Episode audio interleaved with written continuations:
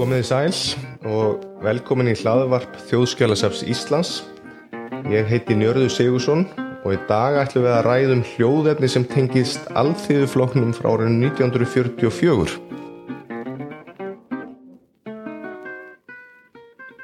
Og til skjálana kemur Bjarki Sveinbjörnsson sem er fagstjóri hljóð og myndasafs landsbókasafs Íslands háskólabókasafs og einn mest í sérfræðingu sapsins og landsins í að ná gömlum hljóðupptökum af úreltum miðlum. Velkomin Bjarki. Takk fyrir það. Þú hefur áratöða reynslu af því að bjarga slíku menningavermætum, ekki satt? Jú, ég hef búin að vera bæði afrita í misformöt en líka ekki síður að ná utanum uh, svona efni sem er í uh, hljóðritaðararfur, hvað sem það er tónlist eða viðtúlið annað, sem eru í söfnum út um all land og í enga eigu og, og sem að engin veitir henni hvað er áfyrir en að búið að spila því að tækin eru uh, fæst til en þá sem geta leikið, sem geta spila þetta format, en mismunandi format. Þú hefur þá fengist við alls konar miðla vaksholka Já, við skulum eiginlega svona aðeins að velta þessu fyrir okkur nú vorum við á þjóðskjálasafni, hér geymið þið gögn, hinn ritaða arf, bæði handriti og prenti og ymislega svona. En vanga, uh, það má velta fyrir sér svolítið, hvernig geymur hljóð? Það er eiginlega, er ekki fyrir henni lók 19. aldar hjá Edison sem að finnur aðferð við að geyma hljóð og fyrsta svona að maður segja hefur ofinbæra það sem einstaklinga gáttu nálgast að það, það voru vaksólkarnir og það eru til dæmi eða sem frásagnir af því að Jón Pálsson sem var föðubróði Pál Sísussonar stásýringur einn og selsbræðrunum hann hafði 1896 eignast svona tæki og hljóðritað uh, söng barna á Eirarbakka það sem hann bjóð þá en það komu járskjöldar og hólkarnir brotnuðu. En hann held áfram og hann hljóðritaði gömul íslensk sálmalög, það elsta, Guðmundur Ingemundarsson á Bóntól í, í Borgafyrði. Hann hljóðritaði hann vera að síngja uh, gömul passísálmalög og eitthvað fleira og eins ýmislegt efni sem hann hljóðritaði af Vaxholka og er það það elsta sem við eigum. Nokkru síðar kemur Jón Leifs með tæki frá þjófræðasafninu í Berlín. Hann fær lána svona tæki, hann gett Hortbóstel sem að var að sapna hljóð, hljóðmyndum allstaðar úr heiminum, þjóðlögum, gamlum röttum, tungumálum og öllum mögulegu. Og Jón fekk svona tæki lánað og ferðaðist um Ísland frá hvað, 1926 og eitthvað áfram og hljóðritaði þjóðlög og það var kannski svolítið skemmtilegt að, að það voru gerða tilraunni til að afrita þessa voksholka eitthvað yfir á hljómplötur sem eru varvittir í þjóminasafninu en þessir holkar döguðu uppi í Berlín í safninu og það bárust hér fréttir eitthvað tíman um aldamótin síðustu að þarna væru mannum ekki hvort það voru 69 vaksholkar frá Jóni Leifs þar varvittir Það er rókið í þeir þeir eiga 15.000 svona holka þetta niður frá og það hefur gert átak að afrita alla þessa holka yfir í stafrand form. Þar á meðal, ef ég mann rétt, þá var það vegna áhugar Vigdísa Finnbóðadóttur, þá verðandi fórsetta, að það var, Jón Leifs komst allavega mjög framalega í rauðina með því fyrsta. Vandamáli hafði verið að gögnin sem að fylgdu þessum upptökum höfðu álpast í Rúslands í stríðinu eitthvað starf og þeir höfðu stólið í og en þeir komast nú yfir það því að nú vissum en í rauninni hvað var á þessum hólkum. Og svo fórum við Árni Björnsson þjóðhættafræðingur til Berlínar hlustuðum á þetta og reyndum að átt okkur á því hvað þetta væri og hvers konar efni þannig að það endaði með því að við fengum á geisladiski afrit af öllu þessu efni sem að nú er rétt skráð í Ísmús með aðstöð Rósu Þóstinsdóttur í átnastofnun og það er hægt að hlusta á þær upptökur þar. Þannig að miðlun er líka mikið áhuga, áhuga mál mitt að, að opna arfin. En hvernig endaru í þessum bransa að, að, að fara varvita menningar efni, hljóðefni? Það er nú eiginlega, ég get eiginlega nálega því sagt klukkan hvað það var og hvernig það var. Sko ég var í námi í tónvísindum í háskólinni Álaborg í nýja ár. Og þegar ég er að skrifa 1990 og hvað, fjögur held ég, Bastisríkjar, fjallaðum Jón Nordal, að þá tók ég viðtöl við ímsa samferðamennans sem hafði verið hérna á vaktinni. Og þar á meðal Magnús Blöndal Jóhansson og ég spurði Magnús að því einhver tíman eftir ég hafi tekið viðtal við hann í sjómanshúsinu hérna nýra löfi Magnús, hvar eru handritina verkónu þínum? Og hann leitt snögt á mig og saði ég ekki hugmyndu um það. Og ég var nú eiginlega fyrir smá ofalli þannig að ég get að segja hann að þannig að ég hætti ekki fyrr en undir eða það var 97 kannski 8 eitthvað hlis það sem að ég var búin að finna öll þessi handrit sem að hafðu álpast í geimslur út um allan bæ og skráðu og setja handrit til landsbókarsafsins og þar á meðal voru 150 segurbansbólur og annað og það er eiginlega svona varð kveikjan að þessu. En eins líka þetta sömu jól 1994 þá er ég ákvaði að, að lesa formólan af þjóðlega safni Bjarnar Þorstinssonar það er margir sem leiti lögin þess les ekki formólan þetta er alveg hendur sem er formóla öðrum bókum sem að, gömlum bókum sem að eru miklar upplýsingar í.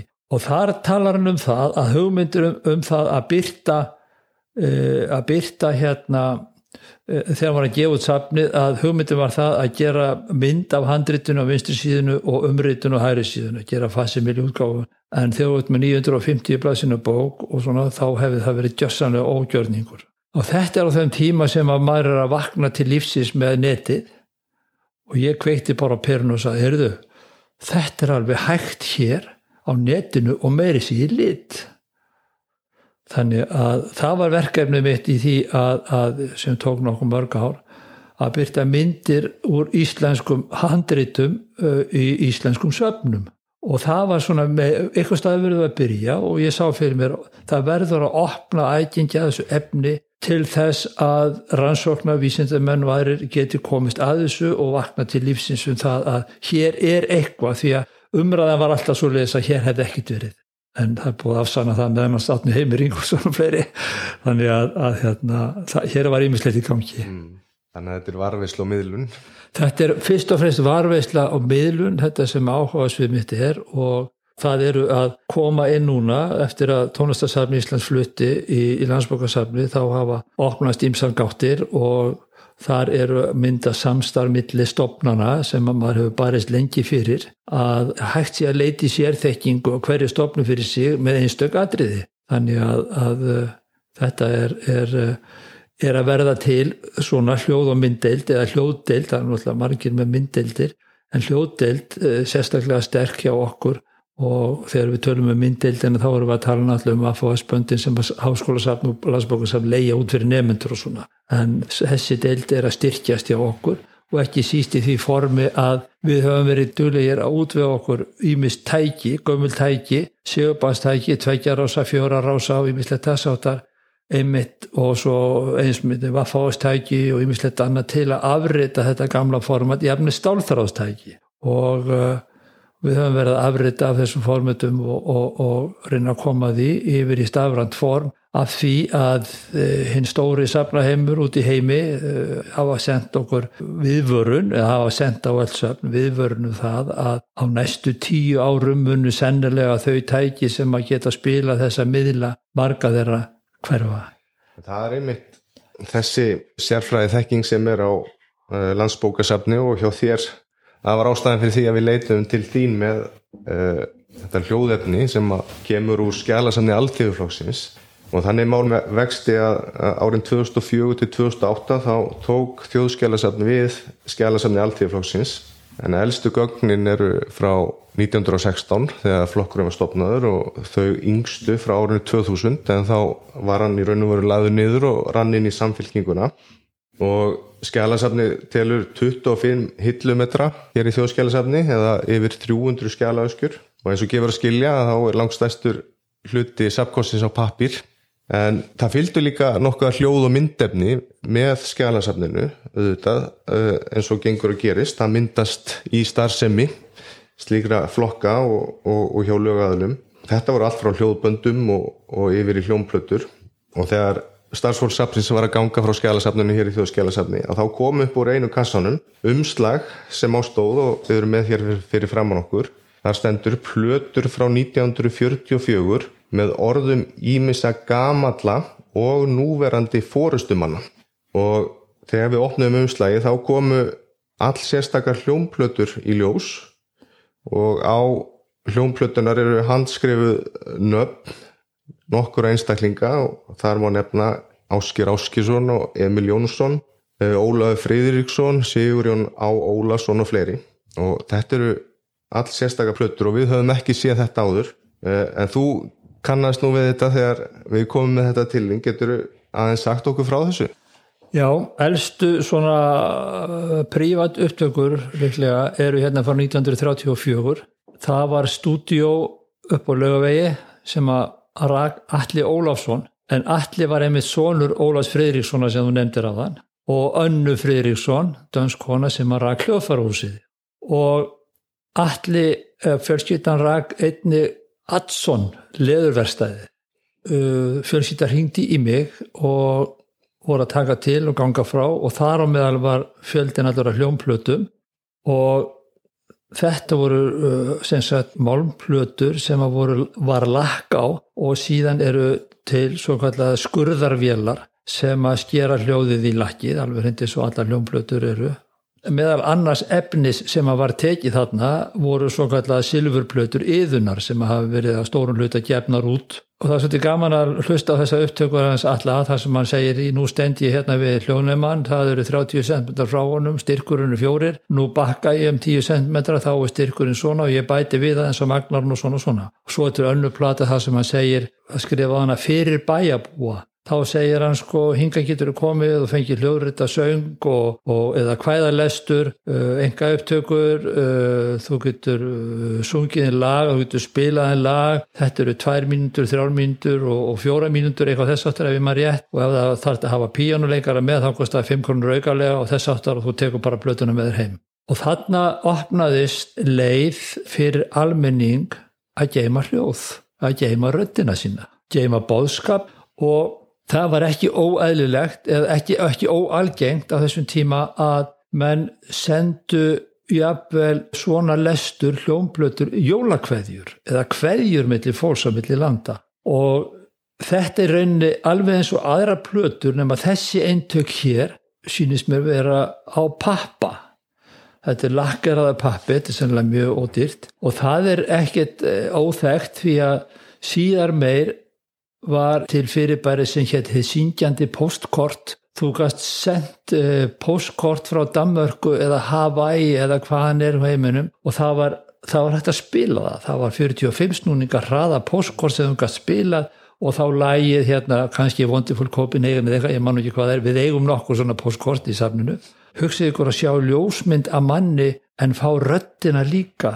Það, það, það er allt unnum nálgun og tenging Á þessum tíma, 40 um stríðsárin, eftir fyrir stríðsárin, fór ríkisútarpið, það fekk uh, plötu skurðarvél og þá voru teknar upp rattir þekktara Íslandinga á plötur og sem eru þá varvettir í þjóðskjálasafnu og vonandi býð eftir að vera afritar þannig að við, að við vitum. Því að það er munurinn á þessu efni og bók, þú tekur bókina á í höndina, getur lesið hana, en þú getur ekki gert við þetta efni, þetta er bara greipur það til að afritar hann. Það er áraðanlega til margt fleira af, af svona litlum plötum. Þetta tekur bara kannski mínútið að tvær hvort hlið, þetta eru minnsta gerðin. Og þannig varveitum en rattir og þetta eru svona ekkit ólík þeim hugmyndu sem að eru að finna til dæmis í Ísmús því að vaksorka upptekanir eru þar. Og svo líka síðar að sapna þjóðfræðaefni sem var gert að vega um átnastofnar útvarsins á segulbönd Þannig að fyrstu segulböndin sem koma eru kringu 1950, það eru til eldstu upptökur af síningum þjólikúsins 1950 og það er líka til upptöka í ríkisútarfinu frá 1950 þannig að segulböndin er að koma þá. Og það er svo aftur á móti nýri miðil því að þú getur til og með þess að Stefán Jónsson fréttamaður ferðaðist um með segulböndtæki sko bólutna tóku bara í mestarlagi 15 mínútur Vassorkarnir tóku tvær og halva til þrjár og það fyrir eftir að stærða plötunum hvað þetta tók mikið. Þess vegna eru allar 78 snúninga plötunar eiginlega tvekkjalaga því að það, það snúast og hratt, það kemst bara eitt lag á hvora lið. En þessi tæki sem þetta var tekið upp á, þetta er raun og veru áður en segurböndin urðu útbreytt og þetta er þá fyrir 1950 og svo nefnir. En veistu hvort að þessi tækni hafi verið útbreytt hér á landi? Hafi margir átt svona tæki til þess að taka upp á eða hvernig var þetta? Eða var þetta dýrt? Já, það var ekki dýrar en svo að almenningur látið þetta eftir sér að kaupa svona afrit. Já, hvað er, er 5 krónur fyrir píjónuleikara að spila undir eitt lag í dag, ég veit það ekki en um, þetta efni er mjög sagt, ábyggilega tilvíða í söpnum og ábyggilega meira til í ýmsum söpnum sem hafa borist ykkur eða þjóðminniasöpni eða einhverjum söpnum út á landi, svona plötur það sem að menn eru með persónulegar upptökur Þetta eru pappaplötur og þetta er lakk sem að er á þeim eða hvað? Já, það, er, það eru lakkirar og síðan er sagt, þessi svo kallu plötu skurðarvél mm. sem að sker í lakkið og sem að fer svo í gegnum bilahauðsinn, nálina og yfir og breytist yfir í hljóð í, í hátalarannum. Það var umveruleg ekkit flókið, sko, menn horfa á þessa hljómplötu sem að eitthvað aldrei séð áður í mislegt og hvernig næði þessu, en þetta er í rauninni bara, ef maður orðað þannig, þetta er bara hljómplata, þetta er bara tekni sem að voru nótu til þess að geima hljóð eins og ég segi, geima rattir sem að hægt ára þessum tíma og er ábyggilega eins og ég segi til í ymsum öðrum söfnum á landinu. Og býða þess að við afritum þar því að allir þessi menn voru langrafar eða foreldrar einhverja mm. sem eru jæfnilega lífi. Akkurat. og maður hefur orðið varfið það bara að segja ykkur einast út af sögu. Það var fengum uh, frá frá Hortnafyrði skeiti frá 16 ára dreng. Hann sagði við vorum að læra um þölur í skólanum og kennarinn okkar benti okkur að fara inn á Ísmus og hlusta á gamalt fólk fara, um, með þölur. Amma, ég er 16 ára, amma minn dó fyrir 20 árum. Ég hitt hana aldrei. En þarna hitt ég hana. Já. það var til upptækka með ömmans Já. Og svona skilaboð fáum við ítrekkað Já. við og, og Rósa Járnastofnun og, og hérna, sem að fólk er að hitta gegna ættingja í, í formi hljóðs. En eins og nefnir þá er þetta bara hljómplötur en þessa plötur sem við höfum hér fram á nokkur eru úr pappa og maður hafður svona áhyggjur af því að það, er, að það væri nú ekki hægt að ná efnuna af e, og ef við getum náði af þá hefðu við mögulega fá tækifæri til þess að spila þar og þar hefðu þetta leið í ára tugi og hann í kassa á vegum alþjóðflokksins þar til að komi hingað en getur þú lísti eða sagt okkur frá því hvernig svona þú barst því að við að ná þessu hljóttök upptökum af plötunum? Já, sko vand, þetta, þessa geimestin það eru til uh, fullt af hljómplöndum uh, frá tíma þar sem að voru uh, lakkúðaðar málmur í ártplötur hreinlega. Og ég tók upp úr kassa um daginn eina svona plötu, þannig plötu lakki varð eftir í, í kassanum. Það bara það er til ímislegt sko í þessu sem er, er hérna það sem eru dotnarflögur úr plötunum og allt mögulegt þess að þetta er misið hvað þetta geimi sko. En þetta er, ég horfið bara á þetta ég þreif þær þurkaði af þeim og, og, og, og hérna með rögum klút og síðan eh, notaði ég svona fínan plötubusta til þess að reyna að ná af því. Og síðan uh, hreinlega afritaði ég þær og það var heilmikið suð að þeim eh, sem sagt á þeim og, og, og var í vantarlega hægt kannski að ná ennþá betra en það er bara spurningum um hvað maður leggur mikla vinnu í það. Síðan var eru til í, í tölvuteknin í dag ymsa leiðir til þess að reynsa hljóðið. Þetta var veikt til dæmis mjög veiku signal þannig að ég jók hljóðstyrkin á þeim.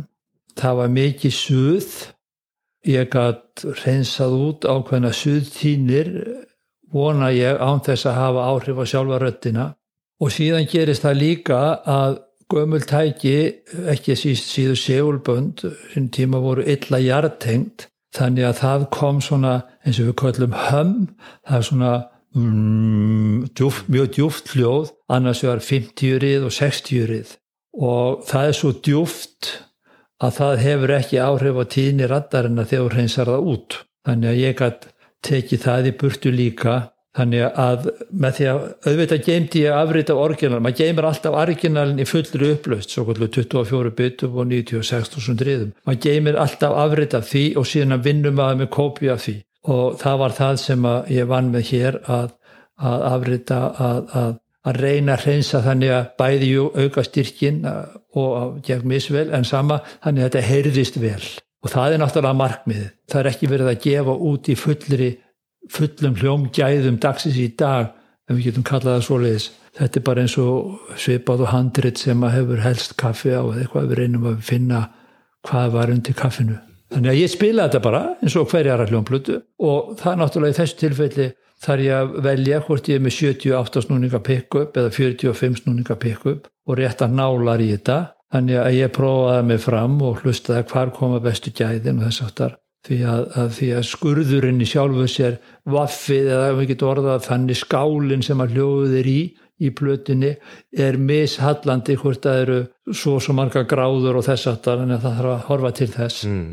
og þetta er náttúrulega tækni ég verð bara að taka það fram. Þetta eru það aðferði sem að ég lærði hjá útvarpinu bæði að Magnús í Hjálmarsinni sem að þá var vinna við þetta þar og eins Reynir Valdimarsinni hjá útvarpinu sem að hafa hjálpa mér að, að reyna að gera þetta rétt, ég lærði þetta á sínu tíma og hef borðið undir þá allt svona og eins Egil Jóhansson, teknimann sem er með eiru hlustendans, teknimannsinn sem að heyri vel og, og hérna þeir hafa hjálpað mér við að, að, að þetta sé gert svona rétt eins eru líka búin að lesa heilmarga greinar til dæmis eins og um, um sjálfbönd frá einhvern ástíma þá þarf að baka þau áður þú afrita þau og það er eitthvað sem við höfum gert. Þannig að það er ímislegt sem að þarf að skoða í, í hvernig maður gerir þessa hluti. En yfirstæðan var svo að þú náðir Ég náði hljóðunu af og, og ég held að það sé vel heyranlegt og, og þokkalegt skýrt með við þetta.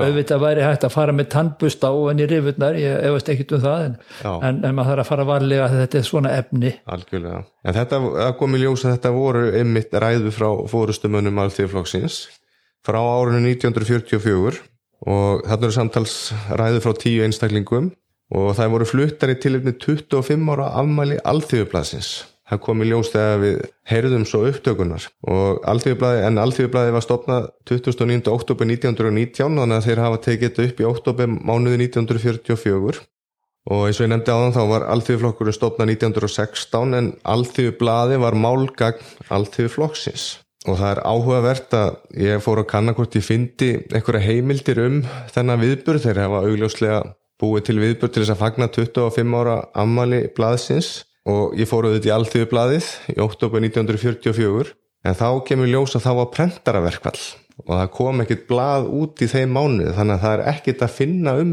þennan viðbjörn í blaðinu nýja öðrum blöðum. Það sköldu líka hugsa til þess að það var prentaraverkvall hvernig vildi mann minnast? Og þetta eru ávörp Akkurat. til flósins og þarna var leið Já. svona svo við speklurum aðeins. Já, góðu punktur, góðu punktur og þannig að þetta eru þá líka einstakar heimildi þetta er vantarlega einu heimildin að þannig séð um þetta, þennan afmæli sviðburð Já, það hefði annars byrst í blæðinu Ég myndi halda það. Já, Já akkurat, þetta hefur verið varalegðið þeirra. Við ætlum að heyra nokkur hljóðbrót Þetta eru sem sagt ræður frá tíu einstaklingum og, og ætlum að heyra hérna þrjá ræður. Eh, Þú nefndir á því að þú hefði reynsað þessa hljóðbúta eins og, eins og, eins og, eins þú gast en hvert hljóðbrót er 1-2 mínútur að lengt, játvel aðeins minn en mínúta. En það er vantalega það sem að kemst fyrir á einni hlið á þessum plötum. Og það er augljóst að ræðumenn hafa sett sína ræður inn í þann tíma ramma. Og það má játvel heyra hjá sumum að þeir tala mjög hratt til þess að koma þessu inn í þessa tvær mínútur ræðunum sínum. Og við ætlum fyrst að heyra ræðu Áskis Áskissonar en árið 1944 þá var hann þingmaður alltíðuflokksins en hann hafði áður verið þingmaður framsónaflokksins og á tímabili utan flokka. Og árið 1952 var hann svo kjörinn Fossit Íslands og var í því ennbætti í 16 ár eða fjögurkjörtjónbil og við skulum heyra í Áskeri Ásker Áskersson, bankastjóri, lítur alltíðublaðinu heitlu Ásker í tilhefni af aldarfjórun samanlýtins Alþjóðublaðið er 25 ára. Það er helmingi yngra endur en ég. Við höfum haft átt tölverk saman að sælba. Það hefur bæði skammað mig og hægt mér og forfækja í óhófi. Alþjóðublaðið myndi mest af íslenskum blöðum. Ég vil óska þess að sá aldarfjörðungur sem að nú er að byrja verði ekki síðri en sá sem að liðum fer. Þetta amæli ber upp á tímamót sem að eh, lofa miklu fyrir flottin og blæði. Já, þarna heyrum við að svo sem að kynir uh, ræðumenn sem að ég veit ekki hver er að hann er greinilega mun nær hljóðunum ánum heldur en ásker ræðumadur þannig að heyrjumst mun betur í honum og það er svolítið skruðningar undir Já, já, en, en upptökunir eru samt þannig sko, þær eru missterkar sko. Voru mis, altså ræðumenn voru misskýrir, misgott ljóð inn, inn, inni á þeim þannig að, að, að það var bara tæknið þess tíma. Hvað sem hefur verið tekið upp á lögavegi þarna þessar blötur hjá húnum alla ólasinni eða þá hjá radiostofunni eitthvað það voru á þessum tíma að vakna til lífsins mm. nokkru staðir sem að gáttu tekið upp svona. Mm. Næsta hljóðbróti sem við ætlum að heyra er frá Ólafi Fridriksinni sem var merkjuleg maður á sínum tíma og ansið skemmtilegt hljóðbrót en Ólafi var fyrsti rítstjóri alltíðublasins frá 1919 til 1922 og svo aftur 1939 til 1942 og Ólaf var þekktu verkalýsfóringi á sinni tíð og hann er líklega í dag þekktastur fyrir kvítastriði svo kallað að drengsmálið frá ár 1921 en þá hafði Ólafur með sér frá alþjóðþingi kommunista dreng 14 ára dreng sem hétt Nathan Friedman og, og hann var með smitandi augnsjútum sem heiti trakóma og vildi þáverandi landlækni vísa drengnum úr landi og úr þessu urðu, urðu mikil læti og óerðir þar sem að Ólafur varnaði því að drengnum yrði vísa á landi en það fór svo svo að það var gert. En það er önnu saga. En, en hérna er Ólafur að segja frá hvernig nafnið á alþjóðublaðinu var til og líka ansi gaman að heyra rödd þessa gamla verkefliðsfóringja. Komið í sæl. Og á allast þetta ágættu ræði sem hér hafi verið haldnað verði ég að halda frá því að halda ræði. En ég ætla að segja ykkur frá því sem kom fyrir þegar alltíðublaði var að hefja göngu sína. Uppröðulega átti blaðið að heita alltíðan en sumum góðum flottunum líkaði því nafni og vildi láta það heita alltíðublaðið. Meðan við vorum að ræða þetta eitthvað aftræðið tíu saman bar þarnað mann sem, sem lofaði að gefa blæðinu 100 krón ef þeir eru látið hýta alltíðblæðin. En 100 krónur voru aðeins til ég þá og þauðt enginn til þess að banda hendinu gegn svona miklu veglingi. En manni sáum við ekki mörg ára eftir og 100 krónur eru ógóldar enn. Ef þið viljið vita hvað maðurinn hér, þá er nafnið. Heyrðu þið það? Ef þið heyrðu það ekki, þá er það Gunnar að kenna. Það er sem því gæt á miðri plötunni hjá honum. Það er farið þarna út. Verðið sæl. Hann nefnir Gunnar. Hann nefnir Gunnar Hljóðmann. Já, þannig að þetta er Gunnar Hljóðmaður. Já. Það heitir það hér með. Ólega Freyrisson náttúrulega, þú nefndir hann, hann náttúrulega má vísa til stórmerkilegra tólþáttar Péturs Péturssonars um, um þetta mál frá útarpunum frá sínum tíma. En þannig dæmi um sko, þegar þú er búin að afriða þetta svona yfir og þú vilt auka styrkin alltaf mikið, þannig að það kemur bara suði með. Það eikst líka. Þannig að það, er, það verður þá að leggjast í miklu dýbri vinnu, sko þarna var greinilega skemmt í plötunni, sko. Mm -hmm. En það er að leggjast þá í miklu dýbri vinnu ef þú vilt fara að reynsa þetta miklu meira, sko. Það er alveg hægt af miklu leiti, en hvenur ertu byrjaðar að reynsa og hvenur ertu byrjaðar að skemma röttina, sko. Já. Hvað er það snýst um það, sko. Maður hefur mm. heyrt hreinsaðar upptökur sem eru bara svona málum hljóð því að það snýrist alltaf um að hverfa suði en ekki tekið tillit til radarinnar mm -hmm. eða þessum áhaldið á. Ég valdi þetta hljóðbrot vegna þess að það fannst svo gaman að heyra í Ólafi og hann er líka með þessa skemmtilegu sögu um, um nafnið á alltíðu blæðinu sem hann segir hérna að hafi átt að heita alltíða í upphæfi en ekki allir verið sátti við það og þeim hafi ónafnigröndum maður hafi búið um 100 krónur ef að blæði myndi heita alltíðu blæðið en 100 krónu voru cirka 100 fall dagvinnukaup verkamanns árið 1919 það var töluverð upphæð. Og Ólaug ganda svo með það á hljóðupptökunni að, að hann þykir segja nafnið á þessum einstaklingi sem er bauð 100 krónunar en Gunnar hljóðmaður hafi, hafi, hafi eitthvað klikkað upptökun og þessi gata á henni og þess vegna hafi ekki heyrt, nafnið. Það var skemmtilegt. En síðasta hljóðbróti sem við ætlum að heyra er Ræða Jón Sigurssonar sem árið 1944 var erindreiki alþjóðu sambands Íslands en hann hafði áður verið framkvæmda stjóri sambandsins. Síðar var hann fyrsti formaði sjómanna sambands Íslands sem var stopnað árið 1957 og í ræðu sinni segi Jón frá því hvernig hann kynntist alþjóðublaðinu fyrst þá sem bann í gegnum Tarsansögunar. Það skal ég áta nú að það sem fyrst kom mér til þess að lesa Alþýðublaði voru Kaftansögurnar búkunni sem bæði ungir og gamlir lásu sér til óblandinar ánæg. En um leið og ég las þessu sögur komst ég ekki hjá því að ég segið annað efni sem blaði fyrsti og þær greinar um verkalýsmál og jafnaðarstefnuna er ég leikti í mig með áferðju unglingsins syngju mér öllu öðru fremur og hvar mér væri sem verkamann að skipa mér flokk. Það var alþýðublaði sem gerði mig að alþýðuflokksmann og ég veit með vissu að sömu sögu hafa margir að segja. Alltaf hefur alþýðublaðið verið málsveri verkalýs og engum er kunnara en mér sem starfsmanni verkalýssamtakana fyrir ómetanlegt starf blaðsins hefur verið til þess að knýja fram hinn ímsu mál sem til hagspóta hafa verið til íslenska alþýð. Á þessum merkur tímamótum blaðsins aldarfjörðums starf hafmæg. Árna ég því allra heitla þakka því þann stuðning það hefur ávalt veitt öllum réttindamálum alþýðunar og vona að það verði áfram sem ætíð áður boðbori og boðberi fagur að hugjóna og stjól og stjöldur þeirra sem er við eiga. Já, alla tíu ræðunar frá þessum tíu einstaklingum sem eru uh, Áskir Áskisson, Emil Jónsson, Finnur Jónsson, Guðger Jónsson, Haraldur Guðmusson, Helgi Hannesson, Ingimar Jónsson, Jón Sigursson sem við heyrðum í, Ólaður Freyriksson og Sigurjón Á Ólafsson. Allar þessar hljóðupptökur eru inn á VF Þjóðskjálasafs Íslands, skjálasat.is og hveti þá sem áhuga hafa nálgast efni þar.